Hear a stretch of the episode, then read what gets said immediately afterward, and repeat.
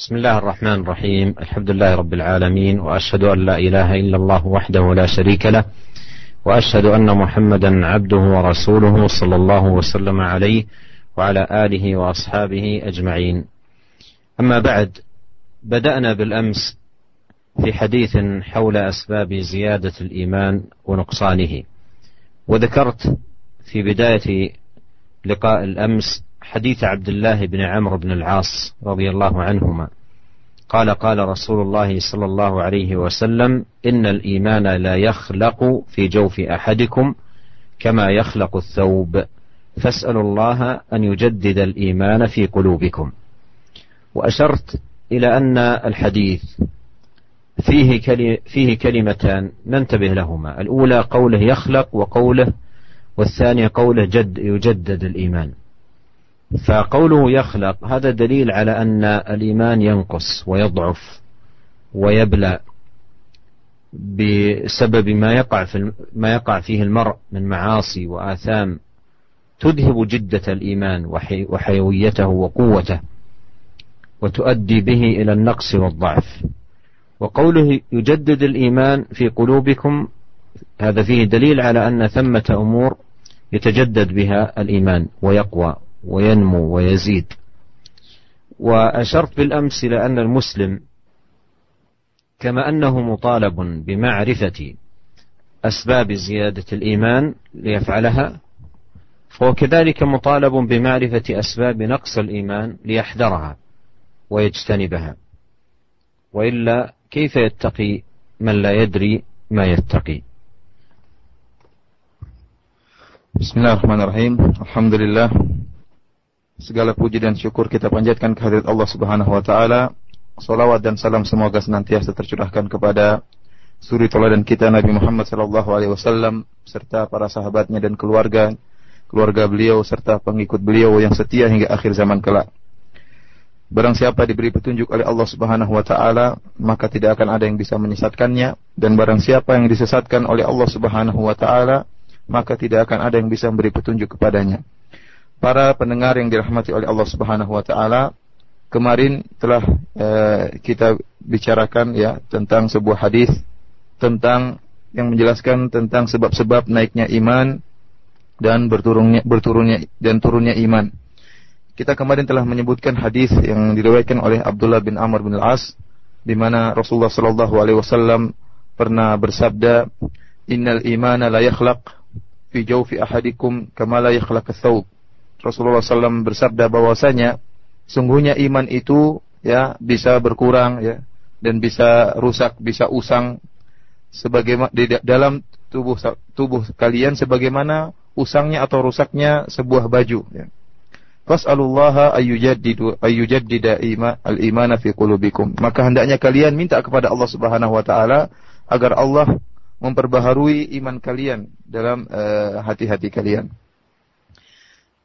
Kemarin Syekh telah menjelaskan bahwasanya dalam lafal hadis ini ada kalimat yakhlaq bahwasanya iman itu akan kurang, akan turun, ya, akan rusak sebagaimana rusaknya baju.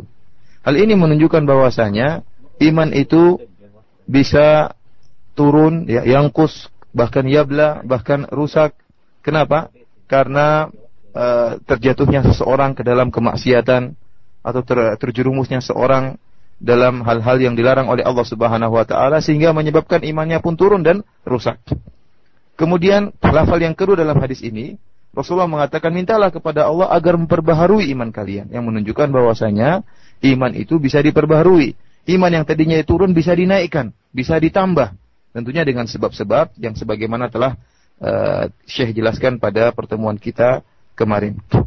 Pada pertemuan kemarin juga Syekh telah menjelaskan bahwasanya seorang muslim ya dituntut untuk mengetahui sebab-sebab yang bisa meningkatkan keimanannya agar dia bisa melaksanakannya. Dituntut seorang muslim untuk mengerti mana sebab-sebab yang bisa menjadikan imannya bertambah untuk dia laksanakan. Demikian pula seorang muslim dituntut oleh Allah Subhanahu wa taala agar dia mengetahui sebab-sebab yang bisa menyebabkan imannya turun, ya. Dia harus mengetahui mana hal-hal perkara-perkara yang bisa menyebabkan imannya turun. Kalau dia tidak mengetahui perkara-perkara tersebut, bagaimana dia bisa menghindari? Bagaimana dia bisa menghindari perkara yang dia tidak ngerti perkara tersebut? Bagaimana dia tidak bisa jatuh imannya kalau dia tidak tahu ada perkara-perkara yang bisa menyebabkan imannya jatuh. Oleh karena itu insya Allah pada kajian kali ini kita akan bahas tentang perkara-perkara yang bisa menyebabkan turunnya keimanan. والمسلم ولا سيما في هذا الزمان الذي تكثر فيه الأمور التي تصرف عن الإيمان وتصد عن الدين وتشغل عن الطاعة بحاجة ماسة وشديدة إلى أن يعرف أسباب أسباب قوة الإيمان ليقوي إيمانه ويعرف أسباب نقص الإيمان ليحافظ على إيمانه من النقصان. وليكون إيمانه في تجدد قوة ونماء. وإذا عرف أسباب زيادة الإيمان وأسباب نقصان الإيمان وجاهد نفسه مستعينا بربه سبحانه وتعالى على تقوية إيمانه وتجنيبه ما ينقصه وفق بإذن الله عز وجل لكل خير وسعد في الدنيا والآخرة. Seorang muslim terutama di zaman seperti zaman kita sekarang ini yang banyak sekali perkara-perkara yang bisa melingkan seorang dari keimanan. Terlalu banyak perkara-perkara, terlalu banyak hal-hal yang bisa menurunkan keimanan seorang, bahkan memalingkan seorang dari keimanan.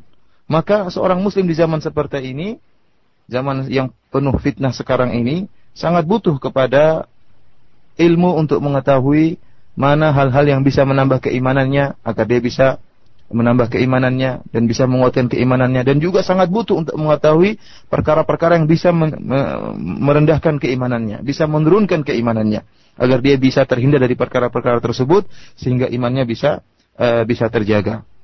Dan jika seorang muslim telah mengetahui perkara-perkara tersebut dan berusaha mengetahui hal-hal yang bisa menambah keimanannya dan kemudian dia berusaha semaksimal mungkin untuk bisa menambah keimanannya, berdoa kepada Allah Subhanahu wa taala, kemudian juga dia telah mengetahui hal-hal yang bisa menurunkan keimanannya dan berusaha berusaha semaksimal mungkin untuk menjauhkan dirinya dari perkara-perkara yang yang bisa menurunkan keimanannya, maka niscaya Allah Subhanahu wa taala akan beri taufik kepadanya untuk bisa menambah keimanannya dan agar imannya tidak turun. والناس رجلان رجل مفلح ورجل خائب والله سبحانه وتعالى يقول قد أفلح من زكاها وقد خاب من دساها أي نفسه. قال الحسن البصري رحمه الله قد أفلح من زكى نفسه فأصلحها وحملها على طاعة الله. وقد خاب من أهلكها وحملها على معصية الله تعالى.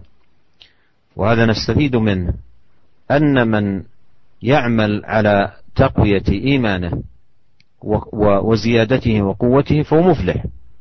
وأما من لا يبالي بإيمانه يضعف ويضعف فإنه خاسر وخائب وهالك نسأل الله لنا جميعا العافية والسلام Para pendengar yang dirahmati oleh Allah Subhanahu wa taala, sungguhnya manusia atau masyarakat dalam hal ini ada dua model. Yang pertama yaitu seorang yang beruntung dan yang satunya seorang yang rugi. Allah Subhanahu wa taala telah uh, mengisyaratkan hal ini dalam firman-Nya. Qad aflaha man zakkaha wa qad khaba man dassaha. Sungguh beruntung orang yang telah mensucikan jiwanya dan sungguh merugi orang yang telah uh, menghinakan jiwanya, merendahkan jiwanya. Uh, Al Hasan Al Basri pernah berkata berkaitan dengan ayat ini, dia mengatakan bahwasanya qad aflaha man zakka nafsahu fa aslahaha wa hamalaha ala taatillah. Sungguh beruntung orang yang mensucikan jiwanya, maka dia pun luruskan jiwanya dan mengajak jiwanya untuk melaksanakan ketaatan kepada Allah Subhanahu wa taala. Wa qad khaba man ahlakaha wahamalaha ala ma'siyatillahi ta'ala. Dan sungguh rugi orang yang merusak atau menghancurkan jiwanya dengan mengajak jiwanya kepada perbuatan-perbuatan kemaksiatan kepada Allah Subhanahu wa taala. Jadi manusia cuma ada dua model dalam hal ini. Orang yang beruntung yang mensucikan jiwanya dengan melakukan ketaatan kepada Allah dan orang yang merugi yang mengantarkan jiwanya memenuhi syahwatnya sehingga terjerumus dalam kemaksiatan-kemaksiatan kepada Allah Subhanahu wa taala. وبالأمس أيها الإخوة المستمعون تحدثنا ببعض التفصيل شيئا قليلا حول أسباب زيادة الإيمان وفي لقاء هذا اليوم أفصل القول بعض الشيء بحسب ما ييسره الله سبحانه وتعالى عن أسباب نقص الإيمان Pada pertemuan kemarin kita telah membahas tentang uh, sedikit perincian tentang hal-hal yang menyebabkan bertambahnya keimanan dan insya Allah pada lekok kita hari ini, pertemuan kita hari ini kita juga akan bahas sedikit perkara-perkara yang menunjukkan atau yang menyebabkan turunnya keimanan ya. Uh, insya Allah kita akan bahas uh, semampunya sesuai dengan waktu yang uh, tersedia. يمكن أن نقسم أسباب نقص الإيمان من حيث الجملة إلى قسمين. القسم الأول أسباب داخلية أي مؤثرات وعوامل ذاتية من الإنسان نفسه ترجع إليه هو. وقسم أسباب ومؤثرات خارجية. أمور في الخارج تؤثر على إيمانه في النقص.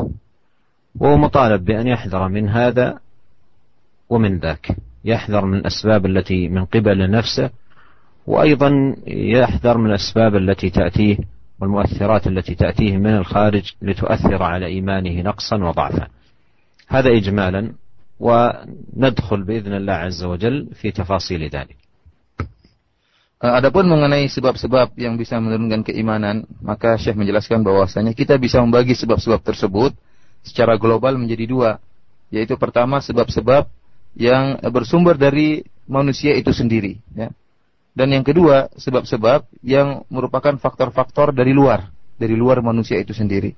Maka seorang muslim berusaha untuk menghindari sebab-sebab yang bisa menurunkan keimanannya, baik sebab-sebab yang muncul dari dirinya sendiri atau faktor-faktor yang timbul dari luar dirinya.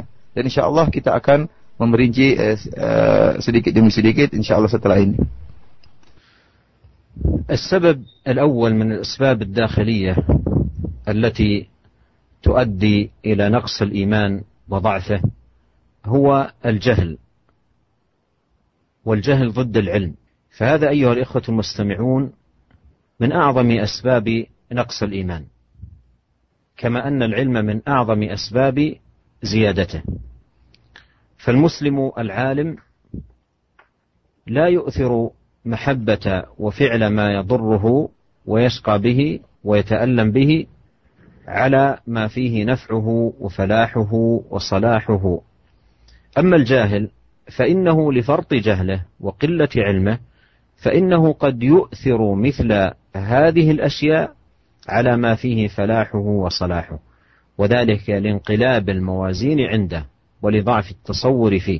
فالعلم أصل لكل خير والجهل أصل لكل شر. Syekh menjelaskan bahwasanya di antara sebab-sebab yang muncul dari manusia itu sendiri yaitu yang pertama adalah kebodohan. Itu yang merupakan lawan daripada ilmu. Syekh menjelaskan bahwasanya kebodohan, kejahilan itu merupakan termasuk sebab terbesar yang bisa menurunkan keimanan.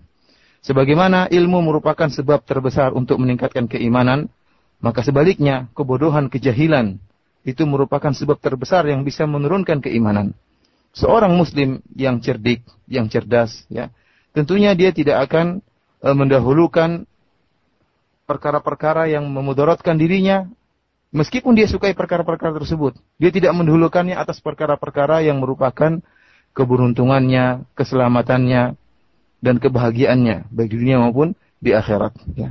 Adapun orang yang jahil, orang yang bodoh, ya karena kebodohannya dan sedikitnya ilmunya, maka dia akan mendahulukan perkara-perkara tadi, perkara-perkara yang merupakan pelanggaran-pelanggaran terhadap syariat Allah yang mungkin dia sukai, dicintai oleh nafsunya, dicintai oleh jiwanya. Dia mendahulukan hal ini daripada hal-hal yang bisa mendatangkan kebahagiaannya. Ya. Ini karena kebodohannya, tidak memikirkan uh, dampak setelah itu. Dan ini disebabkan karena timbangan yang ada pada dirinya sudah berbolak-balik, tidak teratur. Ya. Tidak ada dia tasawur dan tidak ada apa namanya gambaran dia tentang akibat yang dia lakukan. Yang penting dia memuaskan hawa nafsunya, tidak memperdulikan kebahagiaan yang seharusnya bisa dia dapatkan kalau dia seandainya meninggalkan perkara-perkara kemaksiatan tersebut. Oleh karena itu saya menjelaskan bahwasanya ilmu merupakan asal daripada segala kebaikan dan kejahilan merupakan pokok dari segala keburukan. ولهذا نجد في القرآن الكريم أن الله عز وجل يخاطب من وجد عندهم فساد سواء فساد في العقيدة أو فساد في ارتكاب الفاحشة أو غير ذلك من أنواع الفساد يصفهم بالجهل والجاهلية. مثل قول الله سبحانه وتعالى قالوا يا موسى اجعل لنا إلها كما لهم آلهة. قال إنكم قوم تجهلون. قال تعالى ولوطا إذ قال لقومه تأتون الفاحشة وأنتم تبصرون. إنكم لتأتون الرجال شهوة من دون النساء بل أنتم قوم تجهلون. وقال أفغير الله تأمروني أعبد أيها الجاهلون. وقال تعالى وقرن في بيوتكن ولا تبرجن تبرج الجاهلية الأولى. فهذه الآيات وما, وما جاء في معناها تدل على أن الفساد العقدي أو الفساد الأعمالي أو الفساد الأخلاقي كله من أسبابه أعظم أسبابه الجهل. ولهذا يقول الله إنكم قوم تجهلون بل أنتم قوم تجهلون أيها الجاهلون الجاهلية الأولى. وهذا يأتي في القرآن كثيرا Oleh karena itu, kita dapati banyak sekali dalam Al-Quran, Allah subhanahu wa ta'ala e, membicarakan tentang orang-orang yang memiliki kerusakan, baik dalam kerusakan dalam akidah ataupun dalam e, amal perbuatan. Allah mensifati mereka dengan orang-orang yang jahil, orang-orang yang bodoh. Kenapa? Karena mereka mendahulukan hawa nafsu mereka atas keberuntungan mereka, atas kebahagiaan mereka. Orang yang mendahulukan hawa nafsu mereka di atas kebahagiaan mereka itulah orang-orang jahil, orang-orang yang bodoh. Lihatlah dalam satu ayat Allah Subhanahu wa taala e, berfirman menceritakan tentang kisah Nabi Musa, "Qalu ya Musa ij'al lana ilahan kama lahum aliha." Tatkala pengikut Nabi Musa berkata kepada Nabi Musa, "Wahai Musa, jadikanlah kami sembahan-sembahan sebagaimana orang-orang musyrikin mereka punya sembahan-sembahan." Ini kerusakan dalam akidah. Apa kata Nabi Musa? Qala innakum qaumun tajhalun. Berkata Nabi Musa, sungguhnya kalian adalah orang-orang yang jahil, orang-orang yang bodoh. Karena kebodohan mereka yang mengantarkan mereka rusak dalam akidah mereka. Demikian juga tatkala kisah Nabi Lut. Kata Allah Subhanahu wa taala, "Wa Lutan idz qala liqaumihi atatuna al-fahishata wa antum tubsirun?" A innakum latatuna ar-rijala min dunin nisa bal antum qaumun tajhalun. Dan Nabi Lut tatkala dia berkata kepada kaumnya, "Apakah kalian melakukan perbuatan keji, yaitu perbuatan homoseksual, padahal kalian itu mengetahui? Apakah kalian mendatangi para lelaki dengan penuh syahwat dan tidak mendatangi para wanita?" Kemudian apa kata Nabi Lut? "Bal antum qaumun tajhalun." Karena kalian itu adalah orang-orang yang jahil. Lihat, karena kejahilan mereka, akhirnya mereka mengedepankan syahwat mereka sehingga mereka terjerumus dalam praktek homoseksual. Demikian juga uh, dalam uh, ayat yang lain Allah Subhanahu wa taala berkata, "Qul afa ghairallahi ta'muruni a'budu ayyuhal jahilun?" Ya. Katakanlah kepada mereka wahai Muhammad, ya, apakah kalian menyuruhku untuk beribadah kepada selain Allah? Ayyuhal jahilun, wahai orang-orang bodoh, wahai orang-orang jahil. Ya, orang yang mengajak kepada kesyirikan adalah orang-orang jahil. Demikian di dalam ayat yang lain Allah Subhanahu wa taala berfirman, "Wa qarna fi buyutikunna wa la tabarrujna tabarrujal jahiliyatil ula." Dan hendaknya kalian istri-istri Nabi menetap di rumah-rumah kalian dan janganlah kalian berhias bermacak-macak sebagaimana uh, hias ber, berhiasnya wanita orang-orang di zaman jahiliyah, ya. Menunjukkan bahwasanya orang-orang yang melakukan kemaksiatan yang memamerkan aurat mereka itulah itu adalah orang-orang yang jahil, orang-orang yang bodoh. Di sini kita perhatikan Allah Subhanahu wa taala mensifati mereka orang yang rusak dalam akidahnya ataupun orang yang rusak dalam amalannya, orang yang tenggelam dalam kemaksiatan Allah sifati mereka semua dengan sifat orang-orang yang jahil, orang-orang yang bodoh. وبهذا نعلم أيها الإخوة المستمعون أن الجهل بالله عز وجل وبشرعه وبما خلق الخلق لأجله داء خطير ومرض فتاك يجر على صاحبه من من الويلات والعواقب الوخيمة الشيء الكثير. فمن تمكن منه هذا الداء وسيطر عليه فلا تسأل عن هلكته فهو في فهو هاو في ظلمة المعاصي والذنوب. متنكب عن صراط الله المستقيم مستسلم لدواعي الشبهات والشهوات إلا أن تتداركه رحمة الله عز وجل بنور العلم فيفيء ويعود إلى الحق والنور والضياء Oleh karena itu dengan dengan apa yang tadi telah jelaskan Syekh kita mengetahui bahwasanya kebodohan merupakan penyakit yang sangat berbahaya. Ya, penyakit yang sangat berbahaya dan sangat mematikan yang bisa mengantarkan orang yang bodoh ya terjerumus dalam perkara-perkara yang berbahaya dan akibat akibat yang sangat buruk, yang sangat banyak sekali. Maka barang siapa yang dalam dirinya ada penyakit ini, penyakit kebodohan, kebodohan dan dirinya telah dikuasai, dikuasai oleh kebodohannya, maka jangan engkau tanya tentang ke kehancurannya. Dia akan terjerumus dalam lembah-lembah kemaksiatan, akan terjerumus dalam kegelapan eh, dosa-dosa, dan dia akan berpaling dari jalan Allah yang lurus. Dan dia akan pasrah, menyerah, ya, tunduk kepada faktor apa syubhat-syubhat yang datang dan tunduk kepada syahwat-syahwatnya. Kenapa? Karena kebodohannya. Kecuali kalau Allah Subhanahu wa taala e, menyelamatkan dia dengan rahmat Allah Subhanahu wa taala dengan memberikan kepada dia cahaya ilmu, ya. Oleh karena itu, para pendengar radio Raja yang rahmati oleh Allah Subhanahu wa taala, ya, barang siapa yang diselamatkan oleh Allah dengan ilmu, maka dia akan terselamatkan dari penyakit yang sangat berbahaya ini. الأمر الثاني والثالث والرابع. الغفلة والإعراض والنسيان. هذه الأمور الثلاثة أسباب عظيمة ومؤثرة على الإيمان في النقص الغفلة والإعراض والنسيان. فمن اعترته الغفلة وشغله النسيان وحصل منه الإعراض نقص إيمانه وضعف بحسب توافر هذه الأمور الثلاثة فيه أو بعضها. ولهذا ذم الله سبحانه وتعالى الغفلة في القرآن الكريم في مواضع. مثل قول إن كثيرا من وإن كثيرا من الناس عن آياتنا لغافلون وقال يعلمون ظاهرا من الحياة الدنيا وهم عن الآخرة هم غافلون. والغفلة هي سهو يعتري الإنسان من قلة التحفظ والتيقظ. داء خطير إذا اعترى الإنسان وتمكن منه لم يشتغل بطاعة الله وذكره وعبادته بل يشتغل بالأمور الملهية المبعدة عن ذكر الله سبحانه وتعالى. Kemudian sebab berikutnya yang merupakan sebab-sebab turunnya keimanan, saya menyebutkan ada tiga perkara, yaitu ghaflah, lalai, i'rad, berpaling dan nisyan, yaitu lupa ya. Tiga perkara ini ya, lalai, kemudian berpaling dan lupa ya merupakan termasuk sebab yang terbesar yang bisa menyebabkan turunnya keimanan. Jika pada diri seorang terkumpul tiga perkara ini, maka keimanannya akan akan turun. Semakin terkumpul, semakin banyak tiga perkara yang dalam dirinya, maka akan semakin turun pula keimanannya. Oleh karena itu Allah Subhanahu wa taala ya, telah mencela ghaflah sifat ghaflah dalam ayat yang banyak sekali. Di antaranya ya Allah Subhanahu wa taala berfirman, "Wa inna katsiran minan nasi an ayatina laghafilun." Kata Allah Subhanahu wa taala, dan sungguhnya uh, banyak dari manusia yang mereka ghaflah dari ayat-ayat kami. Itu mereka lalai dari ayat-ayat Allah Subhanahu wa taala.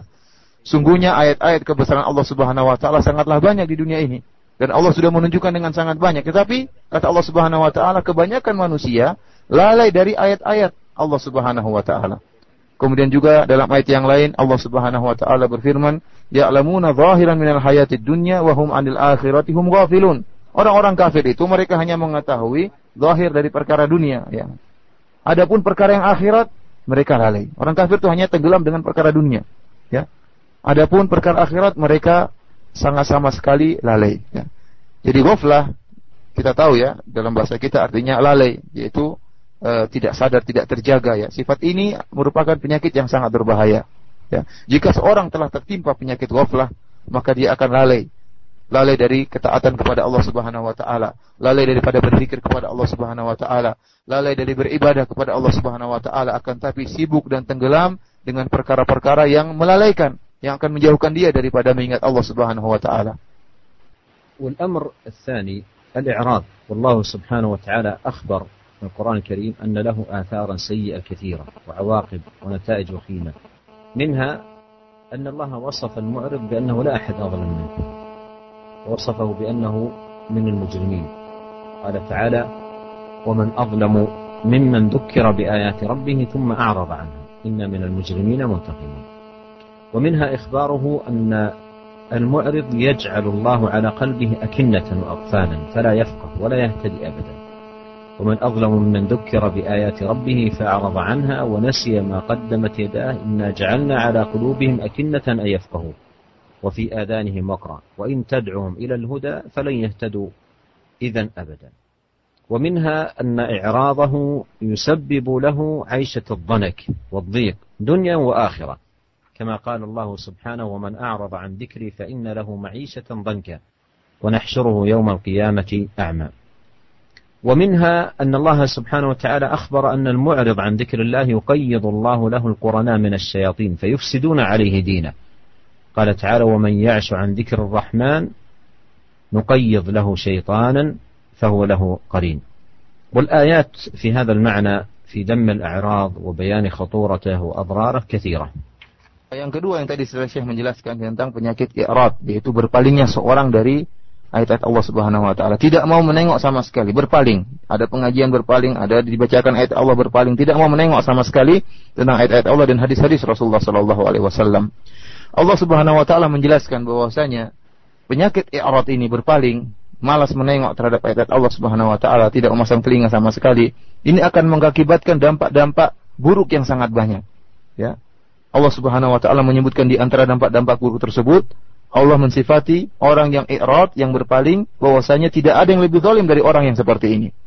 Bahkan Allah menyebutkan bahwasanya dia termasuk dari orang-orang yang mujrimin, orang-orang yang berbuat kriminal, berbuat kerusakan.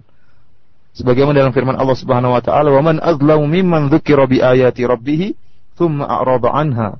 Inna minal mujrimina muntaqimun." Kata Allah Subhanahu wa taala, barang siapakah yang lebih zalim daripada orang-orang yang telah diingatkan dengan ayat-ayat Allah Subhanahu wa taala kemudian dia berpaling dari ayat tersebut.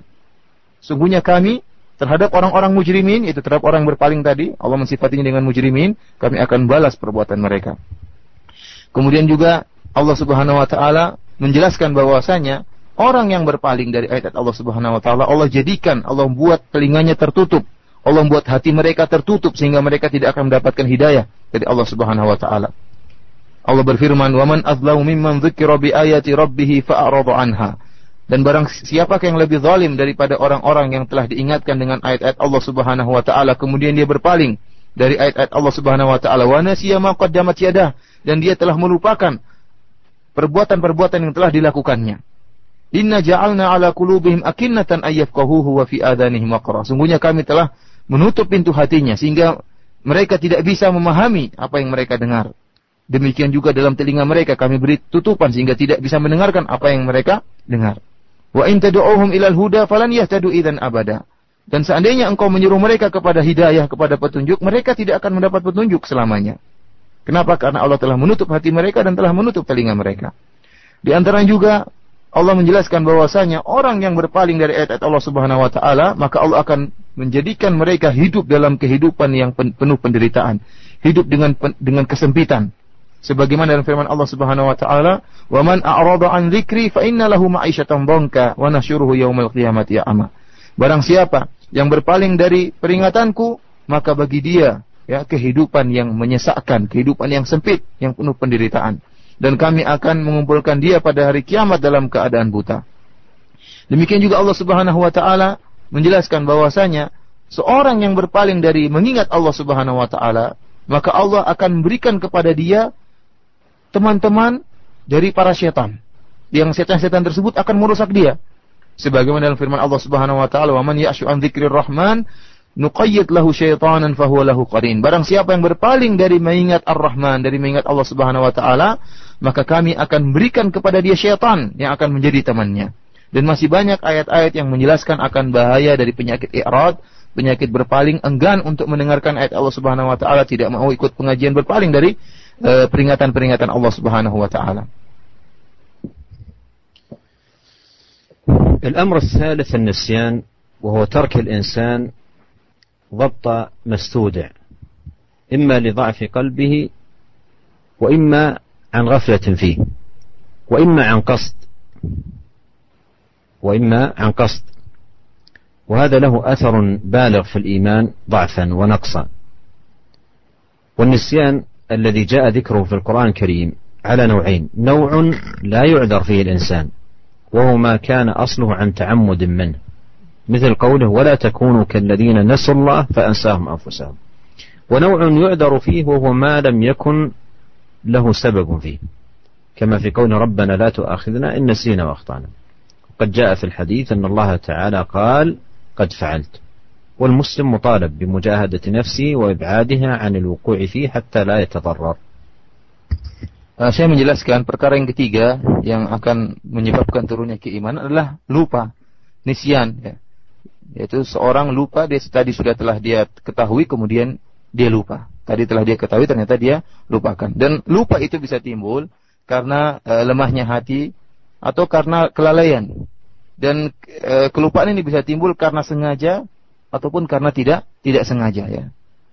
Bisa karena sengaja dan bisa karena tidak sengaja. Syekh menjelaskan bahwasanya lupa yang disebutkan dalam Al-Quran ada dua model, ada dua macam. Pertama, kelupaan yang seorang tidak diberi uzur oleh Allah Subhanahu wa taala. Kenapa? Karena dia sengaja untuk melupakan. Kelupaan tersebut timbul karena kesengajaannya. Sebagaimana firman Allah Subhanahu wa taala, "Wala takunu anfusahum." Janganlah kalian menjadi seperti orang-orang yang telah melupakan Allah sehingga Allah pun melupakan mereka. Ya sengaja untuk melupakan Allah Subhanahu wa taala, sengaja untuk tidak memperhatikan ayat-ayat Allah sehingga akhirnya lupa. Dan jenis yang kedua yaitu kelupaan yang diberi uzur oleh Allah Subhanahu wa taala yang dia tidak sengaja. Dan ini sebagaimana disebutkan dalam Al-Qur'an dalam firman Allah, "Rabbana la tu'akhidna in nasina aw akhtana." Tatkala orang-orang mukmin berdoa, "Ya Allah, janganlah kau menghukumi kami jika kami lupa atau kami bersalah." Dalam hadis disebutkan Allah mengatakan fa'altu, ya aku kabulkan. Ya, ini artinya apa? Kelupaan yang tidak disengaja oleh seorang sudah berusaha namun akhirnya dia lupa. Ini tidak disengaja. Oleh karena itu seorang muslim dituntut untuk berusaha e, bersungguh-sungguh dengan penuh kesungguhan agar, agar menjauhkan dirinya e, agar tidak terjerumus dalam e, sifat lupa dan penyakit-penyakit sebelumnya yang tadi kita sebutkan yaitu i'rad dan juga yang tadi telah kita sebutkan. الأمر الخامس من أسباب نقص الإيمان فعل المعاصي وارتكاب الذنوب فإن هذا لا يخفى ما به من الضرر وسوء الأثر على الإيمان فالإيمان كما قال غير واحد من السلف يزيد بالطاعة وينقص بالمعصية. فكما أن فعل ما أمر الله به من واجب ومندوب يزيد الإيمان فكذلك فعل ما نهى الله عنه من محرم ومكروه ينقص الإيمان. إلا أن الذنوب متفاوتة في درجاتها ومفاسدها وشدة ضررها تفاوتا عظيما. Uh, sebab yang kelima yang bisa menurunkan keimanan yaitu melakukan kemaksiatan, terjerumus dalam dosa-dosa.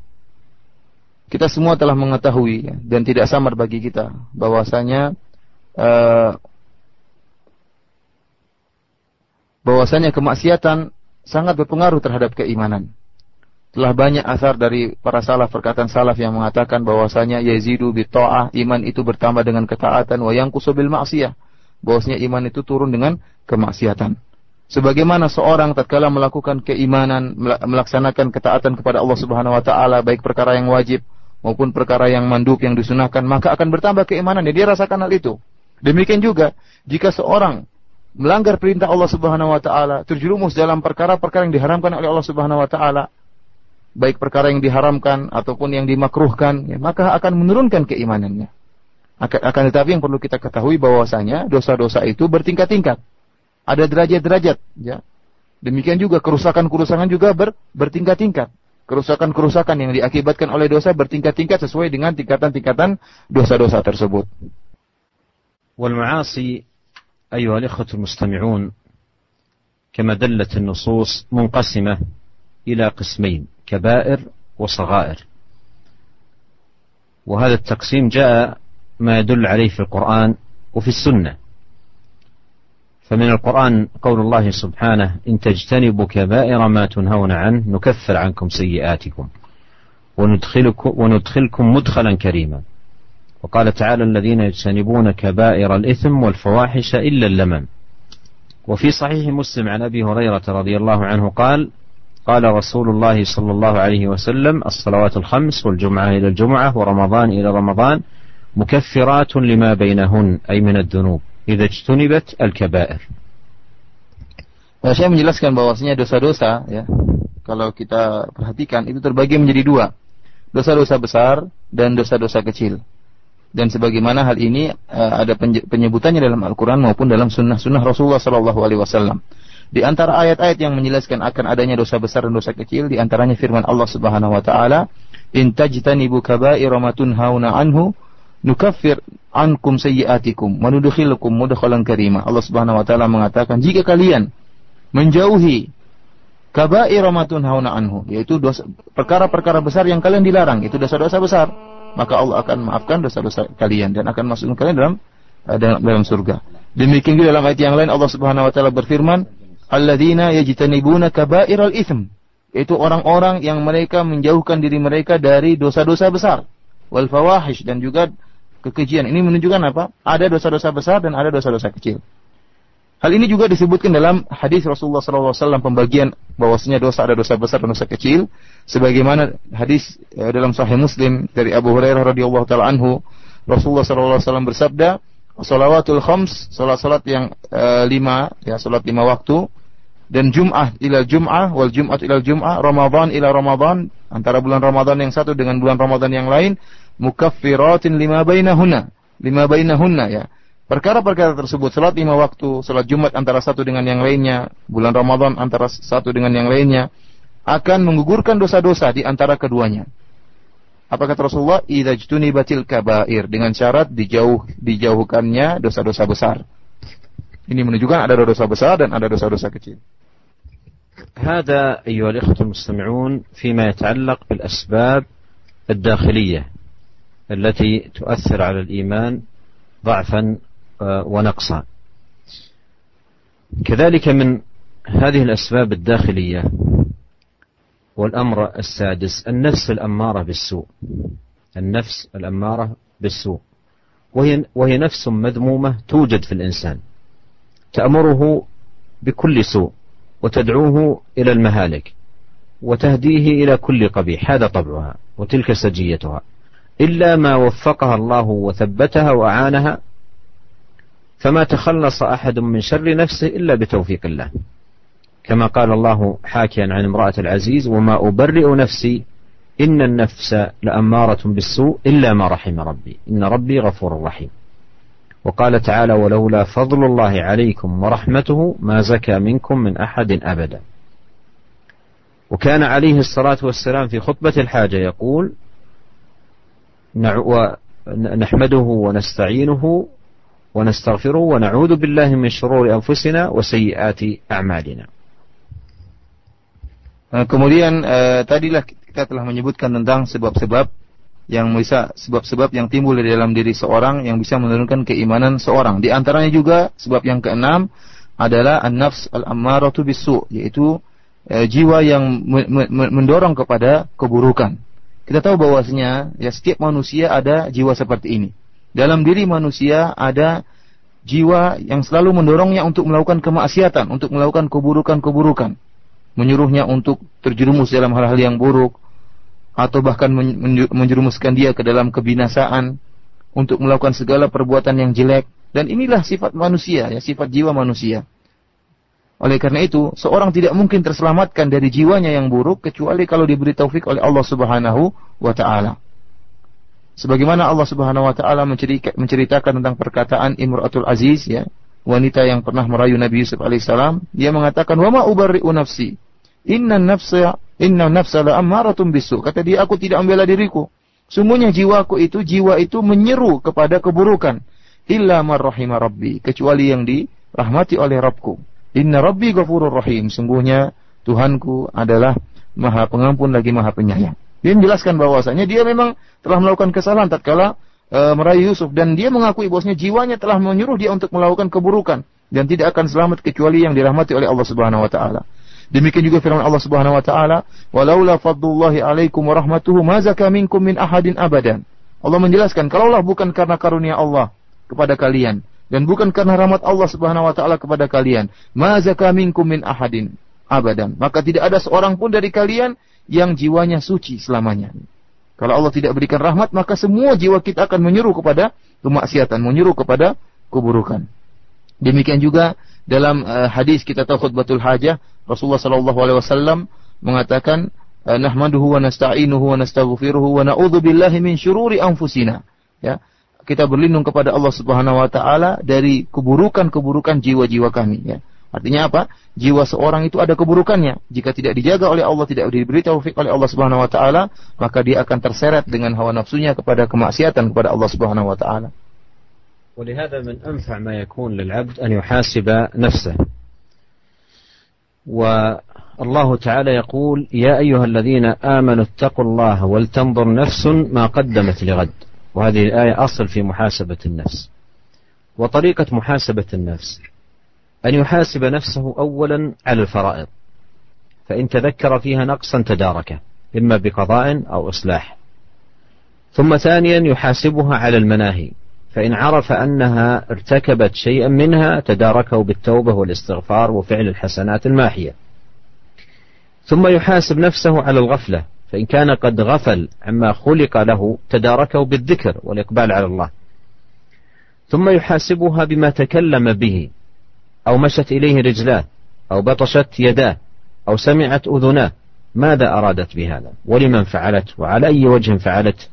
ويعلم أنه لا بد أن ينشر له آه، أن ينشر لكل حركة وكل كلمة منه ديوانان يوم القيامة. ديوان لمن فعلته والديوان الثاني كيف فعلته؟ فالأول سؤال عن الإخلاص والثاني سؤال عن المتابعة. بمعنى أننا يجب أن تكون أن نحاسب أنفسنا أن تكون أعمالنا كلها لله خالصة ولهدي النبي صلى الله عليه وسلم موافقة. فإذا انفلتت النفس وخرجت عن هذا الباب نجاهد أنفسنا ونحاسبها لتعود قبل أن تلقى الله سبحانه وتعالى على حال لا يسر العبد أن يلقى الله بها.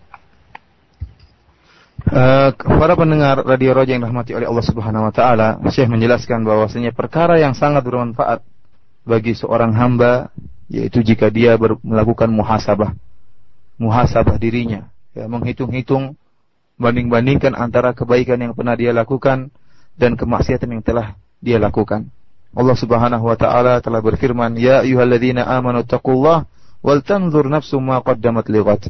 Wahai orang-orang yang beriman, Bertakwalah kalian kepada Allah Subhanahu wa taala. Wal tanzur dan hendaknya setiap jiwa melihat apa yang akan di, yang telah dia lakukan untuk esok harinya.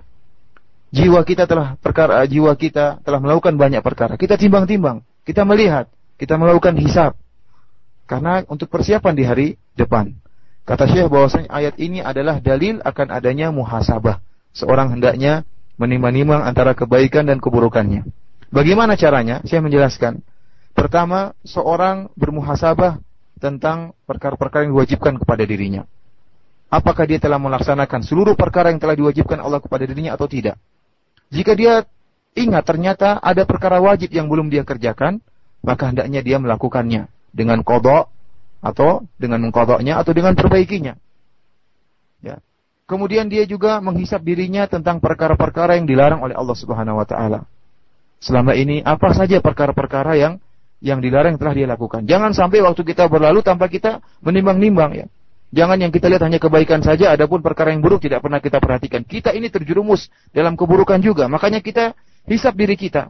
Apa saja kemaksiatan-kemaksiatan yang telah kita lakukan, telah kita lakukan. Kalau kita ingat ternyata ada kemaksiatan yang telah kita lakukan, pelanggaran yang telah kita lakukan, maka hendaknya kita segera bertobat kepada Allah Subhanahu wa taala. Segera beristighfar kepada Allah Subhanahu wa taala dan segera memperbanyak kebaikan agar bisa menghapuskan dosa-dosa tersebut. Kemudian uh, seorang hamba bermuhasabah juga menghisap dirinya pada perkara-perkara yang dia lalaikan. Ya. Jika dia telah, jika dia lalai dari berzikir, lalai untuk rajin dalam ketaatan kepada Allah Subhanahu Wa Taala, maka hendaknya dia segera memperbaiki hal tersebut. Kemudian setelah itu dia menghisap dirinya terhadap amalan-amalan yang telah dia lakukan apa yang telah dia katakan, ke mana kakinya telah melangkah, apa yang telah dilakukan oleh tangannya, apa yang telah didengar oleh telinganya. Semua amalan dilakukan oleh tubuhnya dia cek. Sungguhnya amalan kebaikan yang dia lakukan itu untuk siapa dia lakukan? Apakah dia lakukan ikhlas karena Allah Subhanahu wa taala? Kemudian yang kedua, apakah amalan yang dia lakukan baik dilakukan oleh badannya, hatinya dan seluruhnya, apakah dia lakukan sesuai dengan sunnah Rasulullah wasallam? Karena ketahuilah di hari kiamat kelak akan ada pertanyaan yang timbul pada setiap amalan yang kita lakukan. Apakah amalan yang kita lakukan ya? Setelah capek-capek kita lakukan di atas muka bumi ini, kita lakukan karena Allah Subhanahu wa taala? Itu pertanyaan pertama yang akan disampaikan atau ditanyakan kepada setiap amalan yang kita lakukan. Dan pertanyaan kedua yang akan kita ditanyakan pada setiap gerakan yang kita lakukan, apakah yang kita lakukan sesuai dengan sunnah Rasulullah Sallallahu Alaihi Wasallam? Nah, itulah hisab. Jadi kita menghisap diri kita agar kita ya bertemu dengan Allah Subhanahu wa taala dengan tidak membawa banyak kerugian. Kebanyakan orang ya tidak menghisap dirinya, merasa dirinya sudah hebat, merasa dirinya sudah banyak amalan, ternyata tatkala hari kiamat dia sadar, ternyata amalannya tidak benar dan terlalu banyak kemaksiatan yang dilakukan daripada kebaikan yang dilakukan. Kenapa semua itu? Karena dia meninggalkan hisap, tidak menghitung-hitung tatkala masih hidup di dunia. هذا ما يتعلق بالأسباب الخارجية. هذا ما يتعلق بالأسباب الداخلية. أما الأسباب الخارجية فتنقسم إلى أقسام. منها أولا الشيطان. هذا يعد سببا قويا من أسباب ضعف الإيمان والأقسام. فالشيطان عدو لدود للمؤمنين. يتربص بهم الدوائر. لا هم له ولا غاية إلا زعزعة الإيمان في قلوب المؤمنين وإضعافه وإفساده. فمن استسلم لوساوس الشيطان وانقاد لخطراته ولم يلجأ إلى الله سبحانه وتعالى منه ضعف إيمانه ونقص. بل ربما ذهب كلية بحسب استجابه استجابته لتلك الوساوس والخطرات. ولهذا فإن الله تعالى حذرنا منه أشد التحذير وبين أخطاره وعواقب اتباعه الوخيمة وأنه عدو للمؤمنين وأمرهم أن يتخذوه عدوا فيسلمون منه ومن وساوسه.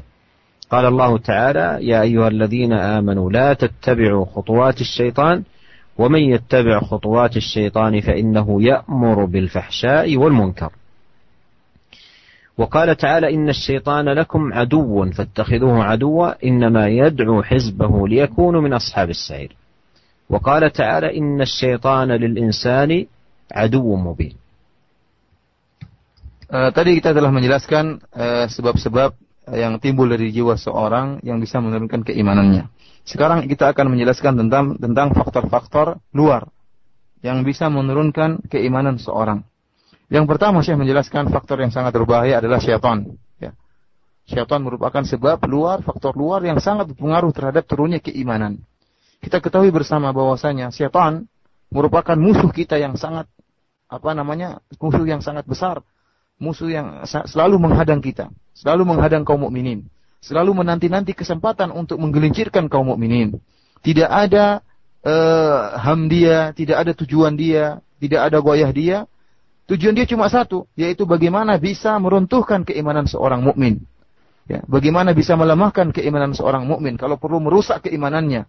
Ya, maka barang siapa yang pasrah tunduk terhadap godaan syaitan ya dan mengikuti bisikan-bisikan syaitan serta tidak bersandar kepada Allah Subhanahu wa taala maka imannya akan lemah ya bahkan bisa jadi imannya akan hilang seluruhnya kalau dia tunduk kepada seluruh bisikan-bisikan syaitan oleh karena itu Allah Subhanahu wa taala sangat uh, memperingatkan kita akan bahayanya syaitan mengingatkan akan bahayanya musuh yang berbahaya ini karena seorang yang mengikuti tipuan syaitan, mengikuti bisikan syaitan akan terjerumus kepada akibat yang sangat buruk.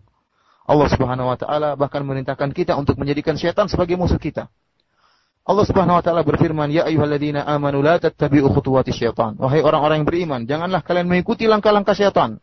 Wa man yattabi' khutuwati syaitan fa innahu ya'muru bil fahsya'i wal munkar. Barang siapa yang mengikuti langkah-langkah syaitan, ketahuilah bahwasanya syaitan itu menyeru, memerintahkan kepada perkara-perkara yang keji, dan perkara-perkara yang mungkar. Dalam firman yang lain Allah berfirman, "Inna syaitana lakum aduun fattakhidhuhu aduwa." Sungguhnya syaitan itu merupakan musuh kalian. Maka jadikanlah dia musuh. Ya. Jadikanlah syaitan itu musuh kalian. Innama yad'u hizbahu liyakunu min ashabis sa'ir. Sungguhnya syaitan itu menyeru ya, kelompoknya, menyeru kelompoknya kenapa? Agar mereka sama-sama masuk sama-sama dia, sama-sama syaitan menjadi penghuni neraka. Syaitan itu berusaha keras ya agar menyuruh kita seluruhnya kita semuanya terancam dengan setan. Kenapa setan ingin mengajak kita seluruhnya untuk menjadi temannya masuk dalam api neraka. Ya. Dan dia tidak putus asa dan selalu berjuang karena tujuannya cuma itu, memasukkan umat manusia seluruhnya ke dalam api neraka bersama dia. Dan di antara juga firman Allah Subhanahu wa taala memperingatkan kita akan bahaya syaitan, bahaya syaitan. Kata Allah Subhanahu wa taala, "Inna syaitana lil insani aduwwum mubin." Sungguhnya syaitan adalah musuh yang nyata bagi manusia. فالشيطان أيها الأخوة المستمعون عدو للإنسان همه إفساد العقائد وتخريب الإيمان فمن لم يحصن نفسه منه بذكر الله واللجأ إليه والاستعاذة به صار مرتعا للشيطان يسول له فعل المعاصي ويرغبه في ارتكاب المناهي ويؤزه لارتكاب الفواحش أزا فيا ضيعة دينه ويا فساد إيمانه إن استسلم له. يقول ابن القيم رحمه الله إياك أن تمكن الشيطان من بيت أفكارك وإرادتك فإنه يفسدها عليك فسادا يصعب تداركه. ويلقي إليك أنواع الوساوس والأفكار المضرة ويحول بينك وبين الفكر فيما ينفعك وأنت الذي أعنته على نفسك بتمكينه من قلبك وخواطرك فملكها عليك Para pendengar yang dirahmati oleh Allah Subhanahu wa taala, jelas bahwasanya setan merupakan musuh bagi setiap manusia. Tujuan setan cuma satu, bagaimana bisa merusak akidah kita, bagaimana bisa merusak keimanan kita. Maka barang siapa yang tidak membentengi dirinya dengan mengingat Allah Subhanahu wa taala, tidak membentengi dirinya dengan bersandar kepada Allah Subhanahu wa taala dan tidak beristiadah kepada Allah Subhanahu wa taala, maka dia akan menjadi ladang uh, untuk dirusak oleh setan, akan menjadi uh, santapan bagi setan. Dan setan akan membuat dia terjerumus dalam kemaksiatan, ya, dan terjerumus dalam perkara-perkara yang diharamkan oleh Allah Subhanahu wa taala, ya. Maka akhirnya hilanglah agamanya dan rusaklah keimanannya jika seorang kemudian tunduk kepada syaitan. Ibnu Qayyim rahimahullah pernah berkata, hati-hatilah engkau jangan sampai engkau membuat syaitan bisa merongkol dalam bercokol dalam pikiranmu ya.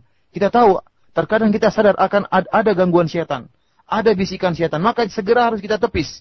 Segera kita bersiada kepada Allah. Jangan kita biarkan setan bercokol dalam pikiran kita.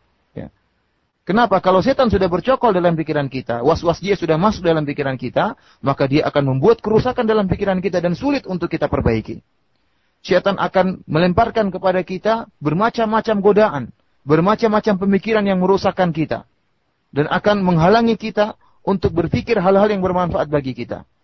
Sungguhnya engkaulah yang telah membuat dia bercokol dalam dalam otakmu, ya. Engkaulah yang telah membuat dia bercokol dalam hatimu, sehingga akhirnya apa? Setan pun menguasai hati hati engkau. Oleh karena itu, para pendengar yang rahmati Allah Subhanahu wa taala, jika kita sadar ada gangguan setan yang ingin menggoda kita, maka segera kita tepis. Jangan kita berlezat-lezat bernikmat-nikmat dengan gangguan tersebut. Akhirnya setan pun bercokol di otak kita dan bercokol di hati kita sehingga akhirnya terkuasailah hati kita dan otak kita oleh setan dan dia bisa mengarahkan kemana saja dia kehendaki.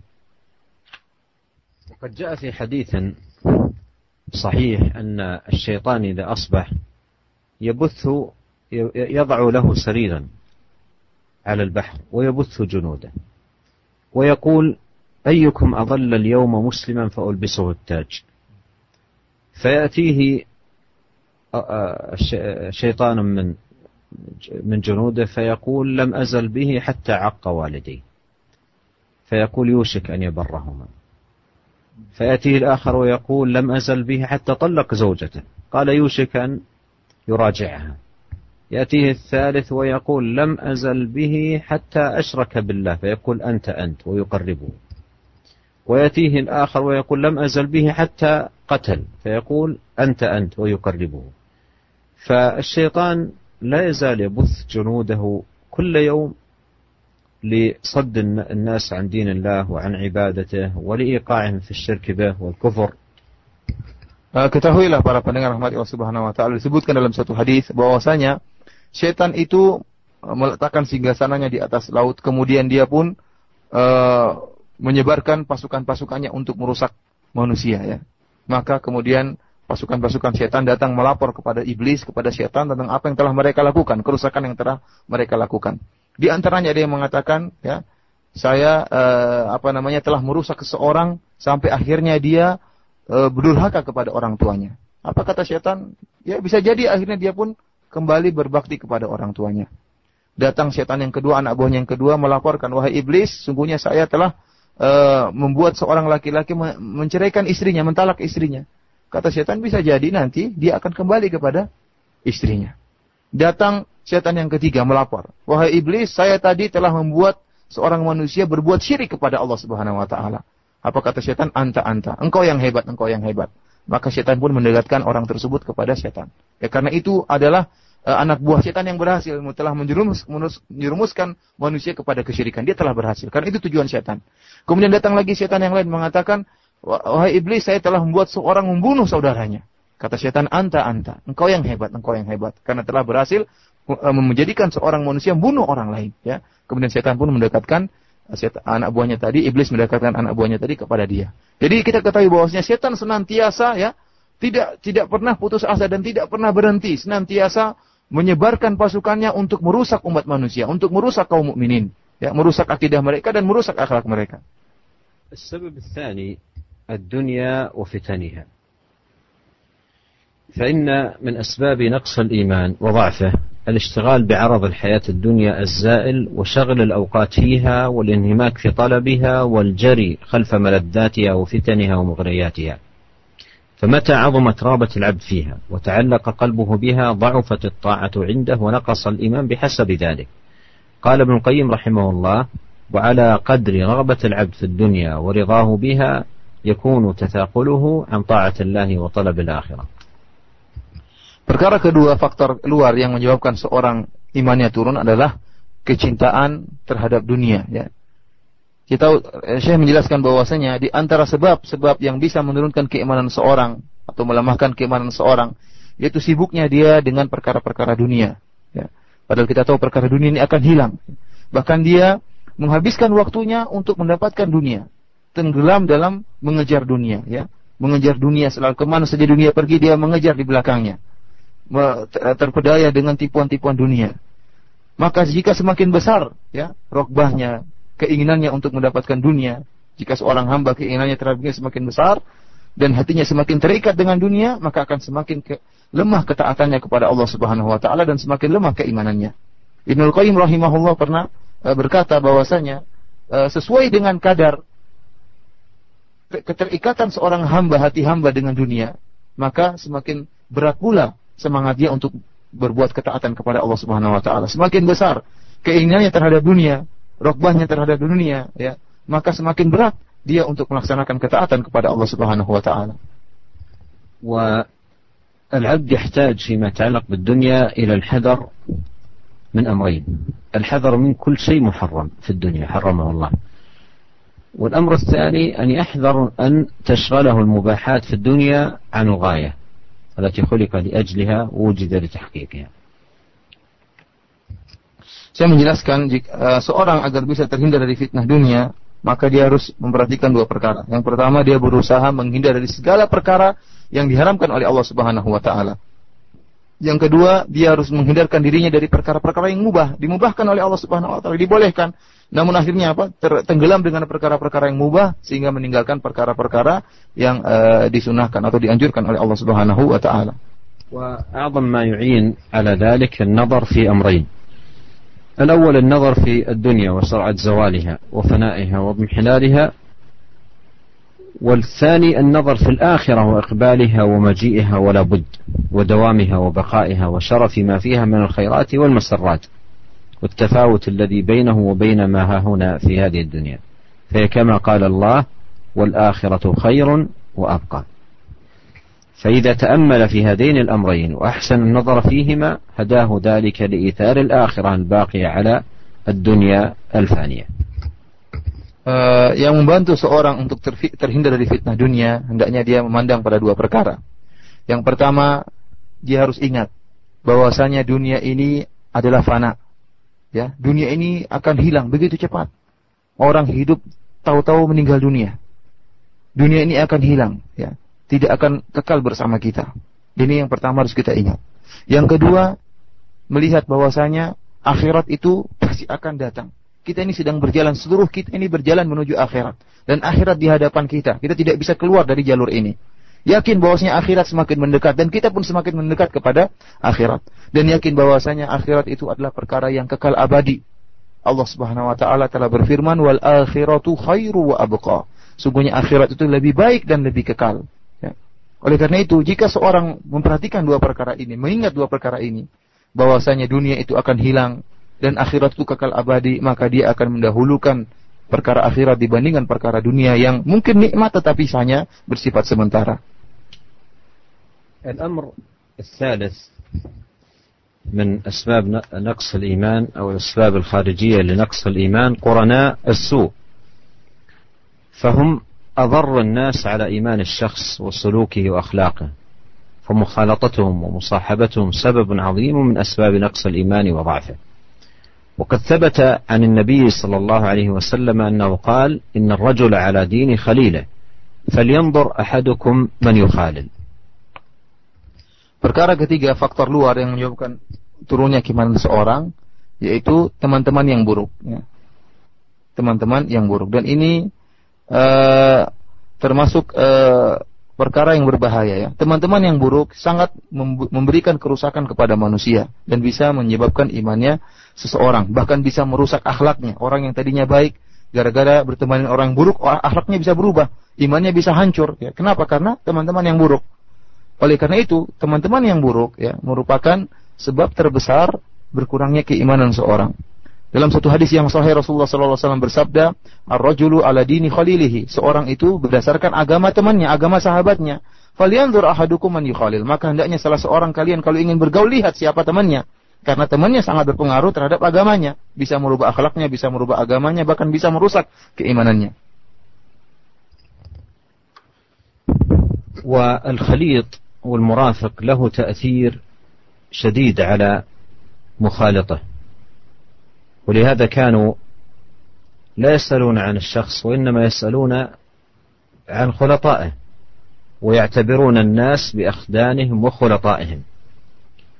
ولا أطيل أن نقول عن السلف رحمهم الله في هذا الباب والتحذير من خلطاء الشر ورفقاء السوء كثيرة جدا يطول الوقت بذكرها.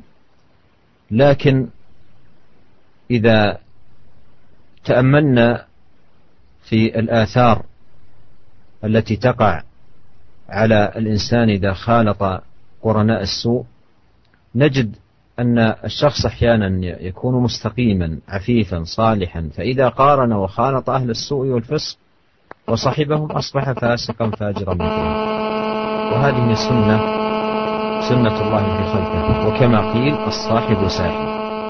وعلى هذا فخلطة الفساق وأهل السوء من أعظم أسباب نقص الإيمان وضعفه. يحتاج العبد أن يحذر من الخلطاء وألا يصحب من الناس إلا من فيهم خير وعون له على الخير. Uh, Syekh menjelaskan bahwasanya sahabat-sahabat uh, yang buruk ini merupakan sebab terbesar berkurangnya keimanan. Oleh karena itu banyak asar-asar dari para salafus saleh mengingatkan akan bahayanya teman-teman yang buruk ya. Bahkan uh, seorang terkadang tidak ditanya tentang agamanya. Untuk diketahui agama seorang ditanya tentang temannya. Siapa temannya orang itu? Kalau ternyata temannya buruk maka diketahui orang itu juga uh, akhlaknya buruk. Jadi akhlak seorang diketahui dengan akhlak temannya. Dan ketahuilah bahwasanya pengaruh dari e, teman yang buruk ini sangat besar sekali. Seorang yang tadinya bisa jadi seorang yang soleh, yang mustaqim, ya, yang baik, rajin beribadah kepada Allah Subhanahu Wa Taala. Gara-gara bergaul dengan teman-teman yang buruk, akhirnya apa? Jadi fasik seperti mereka, jadi tukang maksiat seperti mereka. Kenapa? Gara-gara bergaul dengan dengan mereka, ya. Dan betapa besar pengaruhnya ini dan kita sudah lihat kenyataan ini sunnatullah, kenyataan yang terjadi. Setiap orang yang bergaul dengan orang yang buruk akan terjadi buruk seperti dia. Oleh karena itu dikatakan dalam suatu uh, masal apa namanya suatu apa namanya kalau istilah kita itu uh, sahibus sahib ya. Uh, pepatah kalau istilah kita as-sahibus sahib itu sahabat itu akan membawa ya. Sahabat itu akan bawa. Kalau kita bergaul dengan seorang yang buruk, kita akan terbawa terhadap keburukan orang tersebut. Oleh karena itu, janganlah kita biarkan diri kita bergaul kecuali dengan orang-orang yang baik, orang-orang yang soleh, yang mengingatkan kita kepada akhirat, ya orang yang kalau sahabat kita yang kalau kita melihat dia mengingatkan kita kepada akhirat melupakan kita kepada dunia bukan kita bergaul dengan orang-orang yang kalau kita lihat dia malah menjerumuskan kita ke dalam kemaksiatan ya uh. وهذا الزمان وجد فيه نوع من الصاحب والرفيق لم يكن موجودا في الأزمنة السابقة وإنما موجود في هذا الزمان وهو مصاحبة الإنسان وجلوسه إلى القنوات الفضائية وجلوسه إلى المواقع التي في الشبكة العنكبوتية الإنترنت. وأصبح هذا النوع من الصاحب مع كثرة جلوس الناس عنده ومصاحبة له آه، يؤثر على عقائدهم وعلى أخلاقهم وعلى عباداتهم وعلى سلوكهم تأثيرا syani'an wa syadida. Syekh mengingatkan di zaman sekarang ini ada sahabat-sahabat baru yang dulu tidak terdapat di zaman dahulu ya. Dulu tidak ada sahabat model baru sekarang yang sangat digemari oleh masyarakat. Apakah sahabat-sahabat baru yang digemari masyarakat? Itu kata saya dua perkara, parabola televisi ya, kemudian channel-channel yang dengan berbagai macam channel, kemudian yang kedua adalah internet ya. Kita lihat betapa tergandrungnya masyarakat dengan dua perkara ini. Duduk di depan televisi dengan waktu yang lama duduk di depan internet dengan waktu yang lama. Dan dua perkara ini sangat berpengaruh dalam akidah seorang, dalam akhlak seorang. Seorang yang tadinya bisa jadi bertakwa kepada Allah Subhanahu wa taala, istiqamah kepada Allah Subhanahu wa taala gara-gara melihat internet.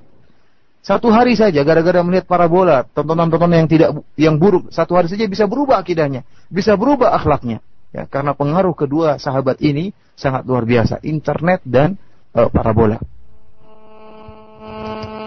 ونقصد بالمواقع والقنوات القنوات الهابطة والقنوات التي تبث الرذيلة وتبث الشبهات وتبث, وتبث الشهوات فإن من يتأمل الأضرار والأخطار التي يجنيها من يشاهد ما يبثها هؤلاء يجدها كثيرة لا تحصى وعديدة لا تستقصى. أضرار عقدية وأضرار اجتماعية وأضرار أخلاقية وأضرار فكرية ونفسية.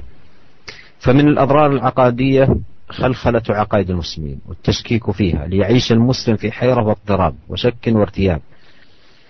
ومن الأضرار الاجتماعية والأخلاقية ما تبثه تلك القنوات الآثمة من الدعوة إلى الجريمة بعرض مشاهد العنف والقتل والخطف والاغتصاب والدعوة إلى تكوين العصابات الاعتداء والإجرام وتعليم السرقة والاحتيال والاختلاس والتزوير والدعوة إلى الاختلاط والسفور والتعري وتشبه الرجال بالنساء والنساء بالرجال والدعوة إلى إقامة العلاقات الجنسية الفاسدة لتشيع الفاحشة وتنتشر الرذيلة إضافة إلى ما فيها من إكساب النفوس طابع العنف والعدوان بمشاهدة أفلام العنف والدماء والرصاص والأسلحة والجريمة ناهيك عما تسببه تلك المشاهدات من إضاعة الفرائض والواجبات وإهمال الطاعات والعبادات ولا سيما الصلوات الخمس التي هي ركن من أركان الإسلام. إلى غير ذلك من الأضرار والأخطار التي يصعب حصرها ويطول عدها مما يتطلب من كل بيت مسلم أن يصون بيته وأن ينزه مكانه من أن تكون فيه هذه الأدوات المفسدة الهدامة. Saya menjelaskan barang siapa yang merenungkan dan memperhatikan kerusakan-kerusakan yang ditimbulkan oleh dua sahabat ini, gitu, baik uh, konawat ataupun apa channel-channel yang buruk ataupun internet yang buruk. Jadi maksudnya maksud kami pembahasan kami adalah uh, web website yang menyebarkan kerusakan dan juga channel-channel yang menyebarkan kerusakan. Akibat yang ditimbulkan dari dua perkara ini sangatlah besar dan sangatlah banyak, tidak bisa terhitungkan ya. Kerusakan dalam masalah akidah maupun kerusakan dalam masalah akhlak. Kita lihat betapa banyak kerusakan yang ditimbulkan oleh kedua perkara ini. Dalam masalah akidah, betapa banyak orang yang nonton televisi atau melihat internet orang Islam akhirnya ragu dengan keislamannya. Kenapa? Mereka membaca perkara-perkara yang buruk yang buat iman mereka ragu. Ragu dengan keislaman mereka, ragu dengan kekafiran orang-orang kafir, ya ragu dengan akidah mereka. Kenapa? Karena mereka membaca hal-hal yang uh, syubhat yang uh, terpancarkan dari eh, channel-channel uh, maupun dari internet ya. Sehingga seorang muslim hidup dengan penuh keraguan, hidup dengan kebingungan, tidak yakin dengan agamanya. Inilah kerusakan akidah yang timbul. Adapun kerusakan yang berkaitan dengan e, perkara sosial dengan kemasyarakatan atau kerusakan yang timbul yang berkaitan dengan akhlak, maka sangatlah banyak. Kalau kita perhatikan channel-channel yang ada ya atau internet dan macam-macamnya, kita akan menyaksikan penayangan-penayangan yang luar biasa yang mengajarkan, mengajarkan seorang untuk berbuat kerusakan, mengajarkan orang untuk melakukan kekerasan, bahkan pembunuhan. Bahkan kita ketahu, ketahu, kita tahu betapa banyak orang yang pelajari bagaimana cara mencuri, bagaimana cara membunuh, bagaimana cara menipu, ya, dengan menonton film-film tersebut. Ya.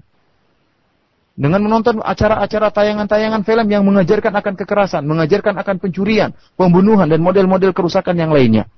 Seorang belajar dari televisi, belajar dari video, belajar dari tontonan yang yang dia lihat ya. Kemudian belum lagi acara-acara televisi yang mengajak kepada kerusakan yang lain seperti ikhtilat, bercampurnya laki-laki dengan perempuan. Ya, seorang yang nonton campurnya laki-laki perempuan dalam televisi akhirnya terbiasa. Itu perkara terbiasa. Kenapa? Sering dia nonton di televisi. Akhirnya dia lakukan ikhtilat antara laki-laki dan perempuan. Sufur ya, kemudian tabarruj belum lagi buka aurat ya. Di televisi terlalu banyak hal-hal yang mengajarkan uh, bukanya aurat, terbukanya aurat televisi banyak sekali. Sehingga apa? Seorang wanita muslimah yang melihat perkara tadi akan merasa biasa. Toh, saya sering lihat orang buka aurat. Akhirnya dia terajar untuk melakukan demikian. Demikian juga model-model di mana laki-laki mengikuti gaya-gaya perempuan, kemudian perempuan uh, apa namanya mengikuti seperti gaya-gaya laki-laki. Demikian juga adanya hubungan yang buruk yaitu seperti uh, homoseksual tersebarkan di mana di televisi atau di acara-acara tontonan sehingga mengakibatkan hal ini merupakan hal yang biasa dan mengajarkan uh, kepada masyarakat untuk melakukan hal-hal uh, seperti itu. Belum lagi akibat kedua perkara ini, tontonan, televisi, channel-channel yang buruk atau internet mengakibatkan betapa banyak kaum muslimin yang lalai dari melakukan ketaatan kepada Allah Subhanahu wa taala. Betapa banyak sholat ditinggalkan ya. Kenapa? Karena acara nonton televisi ya. Meskipun sholat subuh ditinggalkan, sholat isya ditinggalkan. Kenapa? Karena nonton televisi. Belum lagi ketaatan-ketaatan yang lain. Kenapa? Sibuk dengan kedua perkara ini. Sibuk dengan internet dan sibuk dengan eh, tontonan-tontonan di televisi. Oleh karena itu, Syekh mengingatkan bahwasanya hendaknya setiap keluarga kepala keluarga di antara kita hendaknya menjaga rumahnya. Yahsin baitahu, artinya dia menjaga rumahnya jangan sampai termasuki dari kerusakan-kerusakan seperti ini. Jangan sampai dia merusak anak-anaknya dengan mendatangkan alat-alat seperti ini, ya. parabola dan internet. Akhirnya apa? Merusak anak-anak. Yang tanggung jawab siapa? kita sendiri, kepala keluarga yang bertanggung jawab. Hendaknya dia menjaga dirinya jangan sampai merusak keluarganya dengan alat-alat seperti ini. أسأل الله العظيم رب العرش العظيم بأسمائه الحسنى وصفاته العليا أن يؤتي نفوسنا جميعا تقواها وأن يزكيها هو خير من زكاها هو ربها ومولاها وأن يصلح لنا شأننا كله وأن يغفر لنا ذنبنا كله أوله وآخره سره وعلنه وأن يثبتنا على الإيمان وأن يعيدنا من الضلال وأن يصلح لنا النية والذرية إنه سبحانه وتعالى سميع قريب مجيب والله أعلم وصلى الله وسلم على رسول الله Demikian saja inilah penghujung dari pengajian kita pada pertemuan kita kali ini. Dan Syekh berdoa kepada Allah Subhanahu wa taala agar semoga Allah Subhanahu wa taala menyucikan jiwa-jiwa kita ya. Dan Allah memberi petunjuk kebenaran kepada jiwa-jiwa kita dan semoga Allah Subhanahu wa taala mengampuni dosa-dosa kita dan menjauhkan kita dari perkara-perkara yang bisa menyesatkan kita. Sungguhnya Allah Subhanahu wa taala Maha mendengar doa dan Maha mengabulkan uh, permintaan kita. Demikian saja. Ala nabiyyina Muhammad.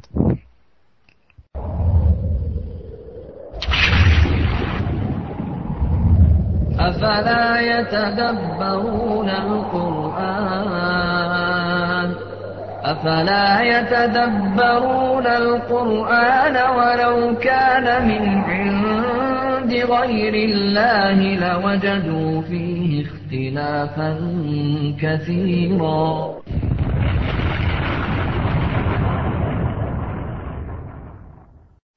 Nah demikian ikhwatal Islam muhadarah yang penuh manfaat dari sebab-sebab turunnya keimanan yang disampaikan oleh Fadilatul Syekh Profesor Dr. Abdul Razak bin Abdul Musin Al-Badr Hafizahullah Ta'ala dan diterjemahkan tadi oleh Al-Ustaz Firanda Hafizahullah.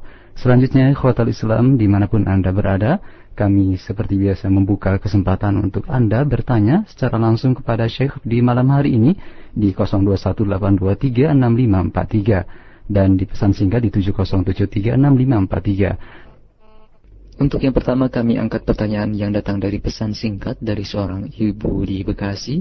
Syekh Barakallahu Fikum, di saat kami berusaha untuk bisa istiqomah di atas jalan yang hak, kami mendapati begitu besar dan begitu berat ujian serta godaan setan kepada kami. Bagaimanakah kiat-kiat kita untuk bisa terus istiqomah di atas kebenaran di tengah begitu gencarnya godaan syaitan la'anatullahi alaih. Demikian jazakumullahu khairan.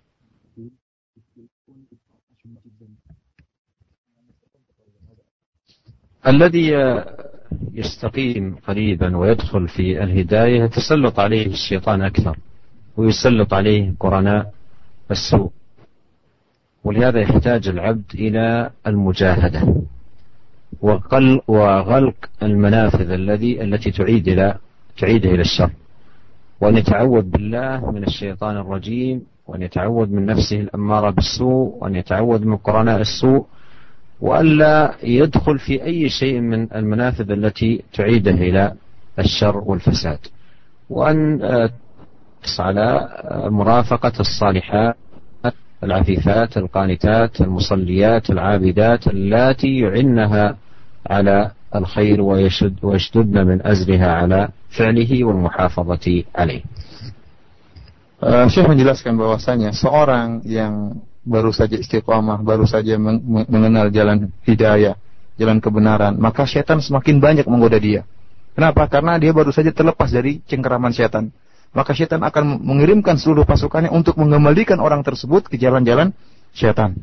Dan setan bukan hanya pasukannya, bahkan setan akan mengirim sahabat-sahabat yang buruk ya sahabat-sahabat lamanya yang dulu mungkin dia bermaksiat bersama sahabat-sahabatnya akan dikirimkan oleh setan agar mengajak kembali orang tersebut kembali kepada jalan setan. Oleh karena itu, hendaknya dia benar-benar berjahadah, benar-benar bersungguh-sungguh berdoa kepada Allah Subhanahu wa taala dan beristiazah kepada Allah Subhanahu wa taala agar dihindarkan dari gangguan setan. Ya. Kemudian juga dia beristiazah kepada Allah agar menghindarkan dirinya dari kerusakan jiwanya ya. Jangan sampai jiwanya yang selalu menyuruh kepada keburukan akhirnya menghantarkan dia, menjerumuskan dia kembali kepada keburukan yang silam. Kemudian yang lebih eh, perlu diperhatikan kata saya hati-hati sekali itu pada sahabat-sahabat yang buruk, sahabat-sahabat lamanya yang buruk bisa jadi mengembalikan dia kepada keburukannya yang uh, lampau. Kemudian perkara yang perlu dia perhatikan juga dia berusaha untuk menutup segala celah-celah yang bisa mengembalikan dia kepada keburukan. Terlalu banyak celah ya. Celah-celah yang kita tahu, seorang hamba tahu bahwasanya celah itu bisa mengantarkan dia kepada keburukan, maka hendaknya dia jauhkan. Dia jauhkan dirinya dari celah-celah tersebut. Dengan jangan lupa untuk bersahabat dengan sahabat-sahabat, wanita-wanita yang soleha, wanita-wanita yang mengingatkan dia kepada akhirat, wanita-wanita yang menunjukkan dia kepada kebaikan, wanita-wanita yang bisa membuat dia tetap di atas hidayah ya.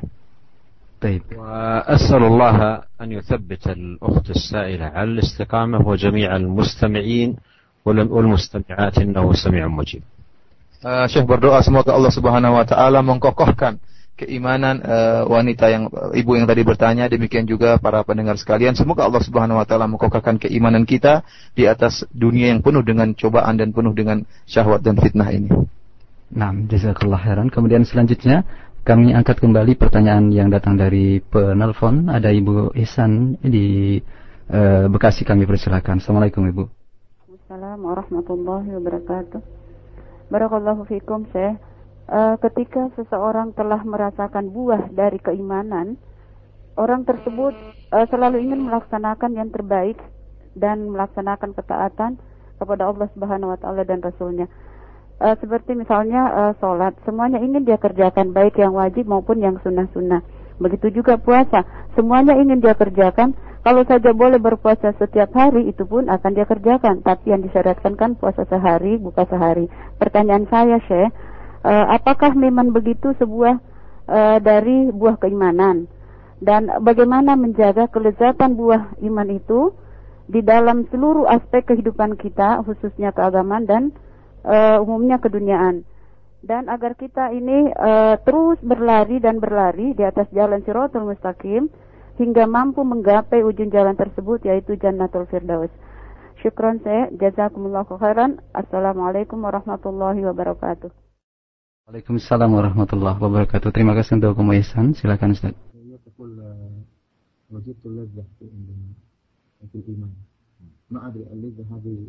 تجعلني يعني استزيد في في في الطاعات هل هذه هي ثمرة الإيمان؟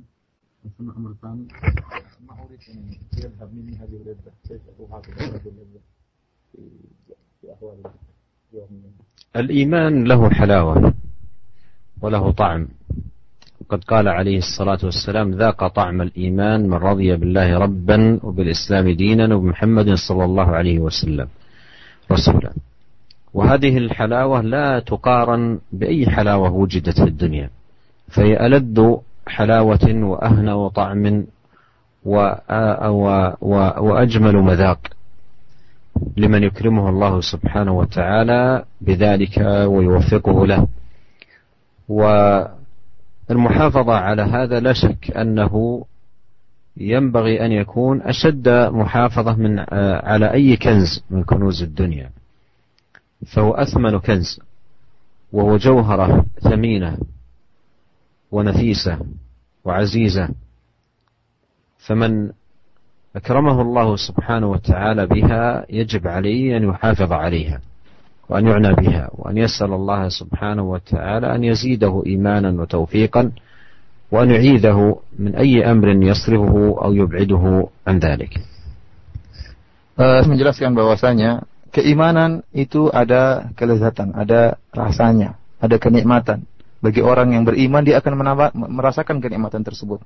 Dalam suatu hadis Rasulullah SAW berkata, "Dzaqa ta'amal iman, dzaqa ta'amal iman man radiya billahi rabban wa bil islami dinan wa Muhammadin rasulan." Kata Rasulullah SAW, sungguhnya orang yang ridha bahwasanya Allah sebagai Tuhannya dan Islam sebagai agamanya dan Muhammad sebagai rasulnya, dia akan merasakan kenikmatan iman. Ya. Dan kenikmatan ini, kenikmatan yang sangat luar biasa, yang tidak bisa dibandingkan dengan kenikmatan apa saja. Barang siapa yang telah dimuliakan oleh Allah Subhanahu wa taala sehingga mendapatkan kenikmatan tersebut dalam dirinya, maka dia hendaknya beru, tetap menjaga ke, kenikmatan tersebut dan kenikmatan ini tidak bisa dibandingkan dengan kenikmatan-kenikmatan yang lain. Dan dia harus ingat bahwasanya kenikmatan ini merupakan harta yang sangat besar. Harta yang dia miliki, suatu yang dimiliki yang sangat berharga. Ya, lebih berharga daripada yang lainnya. Kalau seorang senantiasa berusaha untuk e, menjaga hartanya yang berharga, menjaga benda-bendanya yang berharga, maka dia harus lebih berusaha lagi untuk menjaga kelezatan keimanan yang telah dia dapatkan. Kelezatan, kenikmatan iman yang telah dia rasakan harus dia jaga dengan semaksimal mungkin karena itu merupakan nilai harga, apa hartanya yang sangat berharga, kepemilikannya yang sangat e, berharga. Dan wajib bagi seorang muslim yang telah dimuliakan oleh Allah Subhanahu wa taala dengan hal ini dengan kenikmatan ini untuk selalu menjaga kenikmatan uh, ini. Semoga Allah Subhanahu wa taala menambahkan kenikmatan iman pada uh, ibu yang telah bertanya.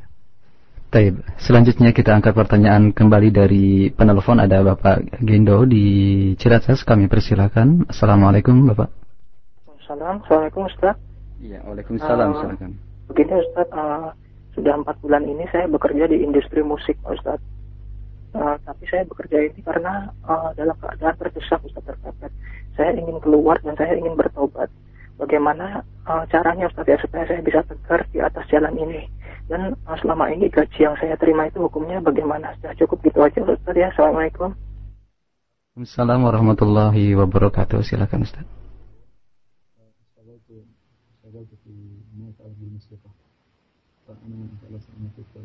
ماذا أفعل الآن الرواتب التي استلمتها وكيف أتخلص منها آه نحمد الله عز وجل الذي وفق هذه الأخت السائلة وهذا الأخ السائل وشرح الله عز وجل صدره للخير. والله سبحانه وتعالى يقول ومن الناس من يشتري لهو الحديث ليضل عن سبيل الله وقد أقسم عبد الله بن مسعود أنه الغنى والموسيقى واللهو. فتركك لهذا لا شك أنه لا شك أن هذا باب باب خير لك. والحمد لله أغنى الله عز وجل بالمباح من الرزق عن الاشتغال بما حرم ونهى سبحانه وتعالى عباده عنه. وأوصي أخانا السائل بتقوى الله سبحانه وتعالى وأن يحافظ على فرائض الإسلام وأن يحذر من المعاصي والذنوب والآثام وأن يسأل الله سبحانه وتعالى أن يثبته على هذا الدين. وبالنسبة للأموال التي وجدت عنده أحسب إن شاء الله أنه لا ضير عليه في استعمالها لكن عليه أن يتوب إلى الله سبحانه وتعالى توبة نصوحة ويبحث من العمل العمل المباح ويحافظ على الفرائض والواجبات ويحذر من المحرمات ثبته الله عز وجل بالقول الثابت واصلح قلبه وهدانا اليه جميعا صراطا مستقيما. Syekh menjelaskan bahwasanya alhamdulillah Bapak telah diberi taufik oleh Allah Subhanahu wa taala sehingga e, mengerti bahwasanya ini merupakan kesalahan dan mau meninggalkan perkara yang buruk yang sungguhnya Allah Subhanahu wa taala telah uh, berfirman wa minan nasi may yashtari lahu al hadithi liyudhilla an sabilillah dan di antara manusia ada yang membeli uh, perkataan-perkataan yang melalaikan ya untuk menyesatkan orang dari jalan Allah Subhanahu wa taala. Abdullah bin Mas'ud radhiyallahu taala anhu salah seorang sahabat yang mulia pernah bersumpah bahwasanya perkataan yang melalaikan tadi ya itu adalah ghina nyanyian-nyanyian dan uh, alat-alat musik ya bahwasanya itu merupakan nyanyian yang diharamkan oleh Allah Subhanahu wa taala. Jadi tidak diragukan lagi bahwasanya musik-musik itu diharamkan oleh Allah Subhanahu wa taala. Alhamdulillah Allah Subhanahu wa taala telah membuka pintu hati Bapak dan uh, Allah Subhanahu wa taala akan mencukupkan hambanya dengan perkara-perkara yang mubah, rizki yang dihalalkan oleh Allah Subhanahu wa taala sehingga seorang hamba tidak perlu mencari rizki dari harta yang haram ya. Kemudian Syekh mengingatkan agar uh, Bapak yang bertanya tadi hendaknya untuk bersemangat untuk melaksanakan takwa kepada Allah Subhanahu wa taala. Semangat untuk beribadah kepada Allah Subhanahu wa taala, menjalankan kewajiban-kewajiban dan yang disunah-sunahkan oleh Rasulullah sallallahu alaihi wasallam dan berusaha untuk menjauhkan dirinya dari perbuatan-perbuatan kemaksiatan, dari dosa-dosa yang diharamkan oleh Allah Subhanahu wa taala.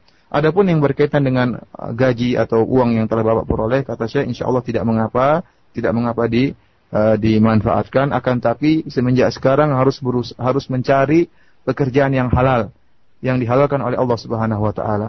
Semoga Allah Subhanahu wa taala ya melapangkan hati Bapak, semoga Allah Subhanahu wa taala mengkuatkan, mengkokohkan hati Bapak di atas agama yang benar dan semoga Allah Subhanahu wa taala menyelamatkan kita semua dari uh, kemaksiatan-kemaksiatan dan mengkokohkan hati kita, hati Bapak demikian juga hati para pendengar sekalian di atas agama yang lurus, agama yang diridhai oleh Allah Subhanahu wa taala. Baik, selanjutnya ikhwatal Islam, kita angkat pertanyaan dari pesan singkat. Ada Bapak Udi di Lewiliang Bogor yang bertanya, Syekh, eh, apakah hikmah Allah Subhanahu wa taala menciptakan syaitan untuk menggoda manusia?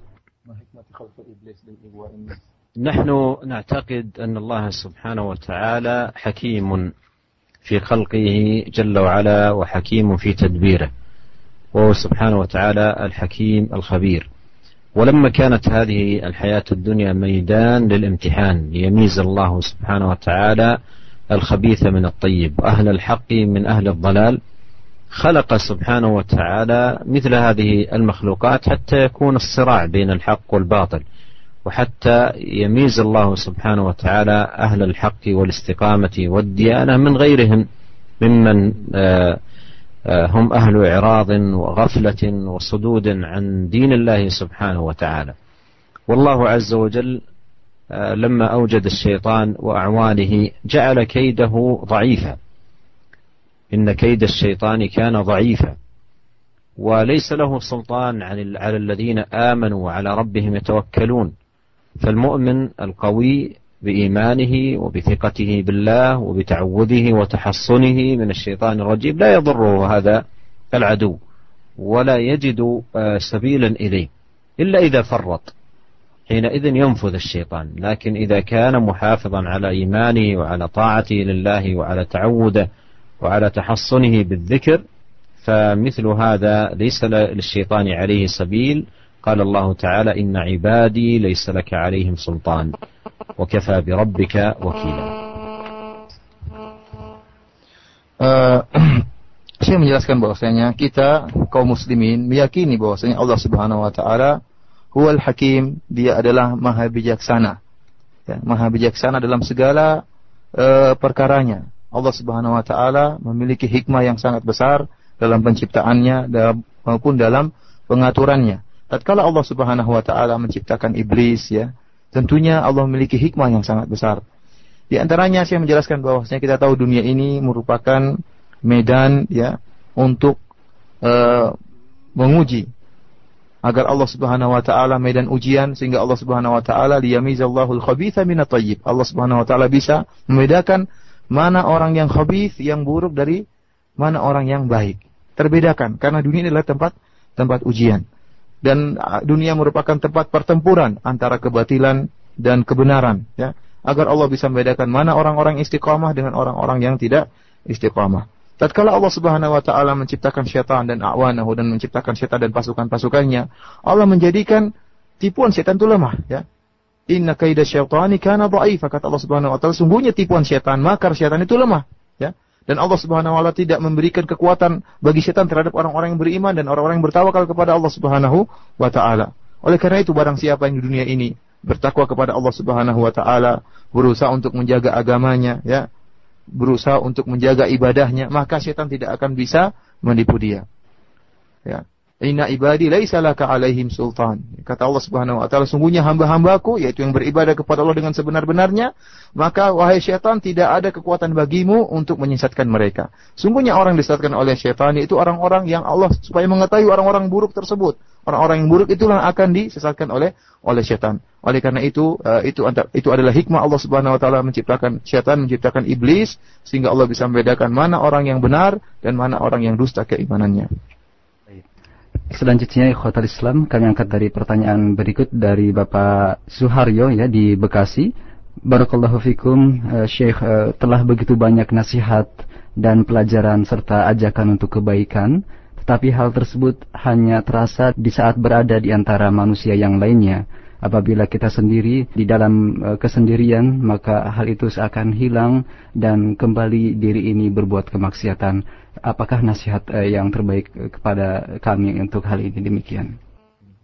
العلماء رحمهم الله يقولون أكبر واعظ إنسان وأكبر زاجر له أن يعلم أن الله يراه وهذا الواعظ إذا وجد في قلب الإنسان صلحت حاله بإذن الله فإذا تذكرت أيها الأخ السائل أن الله سبحانه وتعالى يراك الذي خلقك أنت لم تكن شيئا مذكورا فخلقك الله وخلق لك السمع وخلق لك البصر وخلق لك اليد وخلق لك القدم وأعطاك هذه النعم وهو يراك.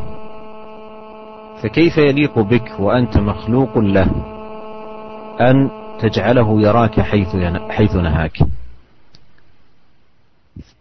فأكبر زاجر أعظم رادع للإنسان أن يعلم أن ربه سبحانه وتعالى يراه. ألم يعلم بأن الله يراه؟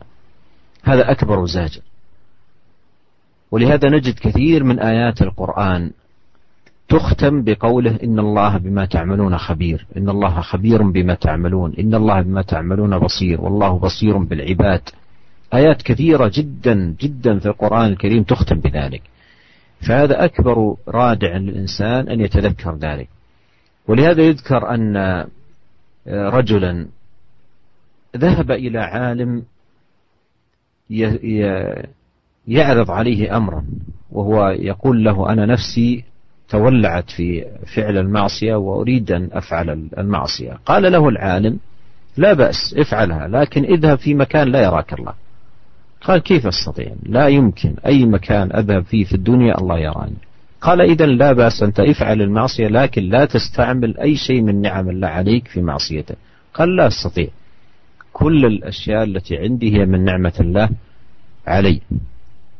فنبهه بذلك. إذا تذكرت أن آلاتك ويدك وسمعك وكلها نعم أنعم الله عز وجل عليك بها.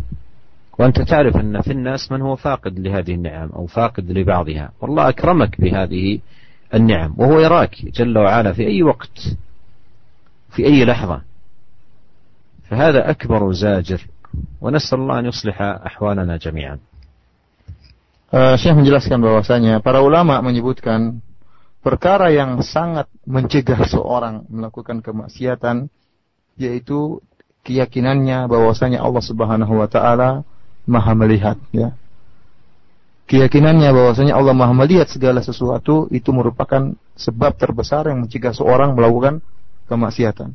Jika dalam diri seorang timbul keyakinan seperti itu, maka dia tidak akan bermaksiat kepada Allah Subhanahu wa taala. Ketahuilah uh, bahwasanya kita dulu apa? Kita dulu tidak tersebutkan. Kita dulu tidak ada, ya. Lam nakun syai'an madhkura. Kita dulu tidak sama sekali tidak ada. Kemudian Allah Subhanahu wa taala menciptakan kita. Allah menciptakan pendengaran kita, Allah menciptakan jasad kita, tubuh kita, Allah menciptakan tangan kita, menciptakan kaki kita ya. Allah Subhanahu wa taala yang telah menciptakan kita, dia juga telah melihat kita. Melihat kita dalam segala kegiatan kita. Allah Subhanahu wa taala melihat kita dalam segala kegiatan kita, kita dan di mana pun kita berada. Maka bagaimana pantas bagi kita jika kita kemudian membuat Allah Subhanahu wa taala melihat kita dalam kemaksiatan. Ya.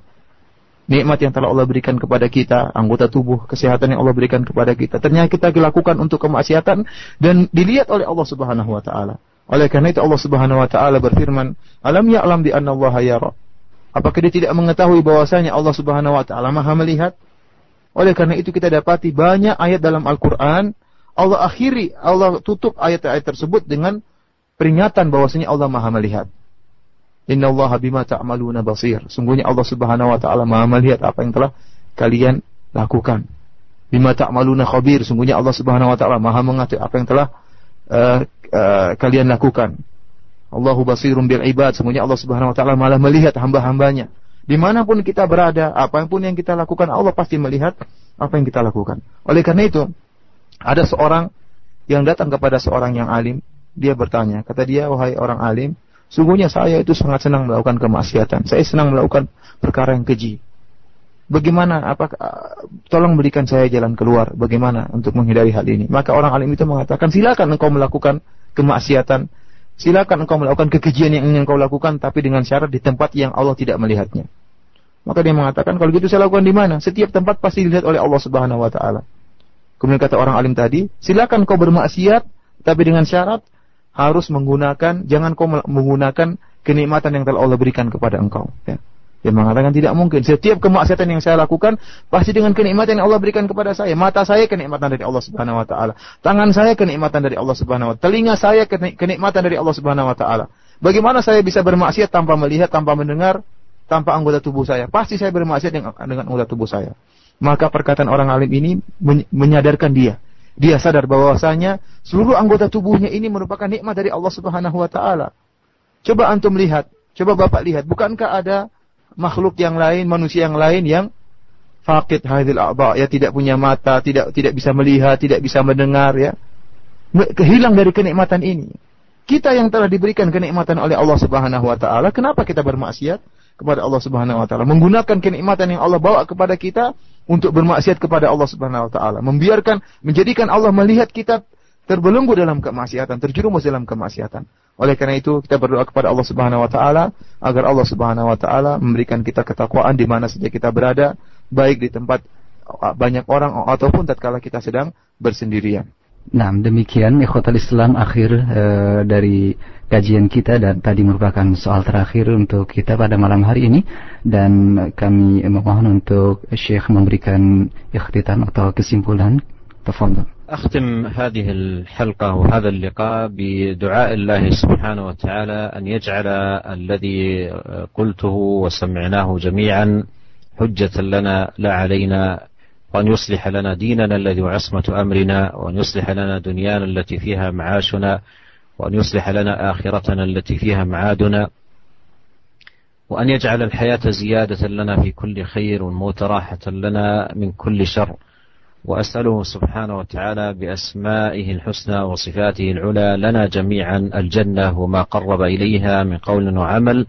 وأن يعيذنا وأن يجيرنا من النار وما قرب إليها من قول وعمل إنه سميع قريب مجيب والله أعلم وصلى الله وسلم على عبده ورسوله نبينا محمد وآله وصحبه أجمعين Di penghujung pengajian ini, pengajian kita kali ini maka Syekh berdoa kepada Allah Subhanahu wa taala, semoga Allah Subhanahu wa taala menjadikan apa yang telah kita ucapkan dan apa yang telah kita dengar menjadi hujah bagi kita di akhirat kelak, membela kita di akhirat kelak, bukan menjadi hujatan alaina, bukan menjadi bumerang yang akan menyerang kita di akhirat kelak. Kemudian juga kita berdoa kepada Allah Subhanahu wa taala agar memperbaiki ya, kehidupan dunia kita ini, perbaiki agama kita yang agama kita merupakan perkara yang sangat penting dalam kehidupan kita.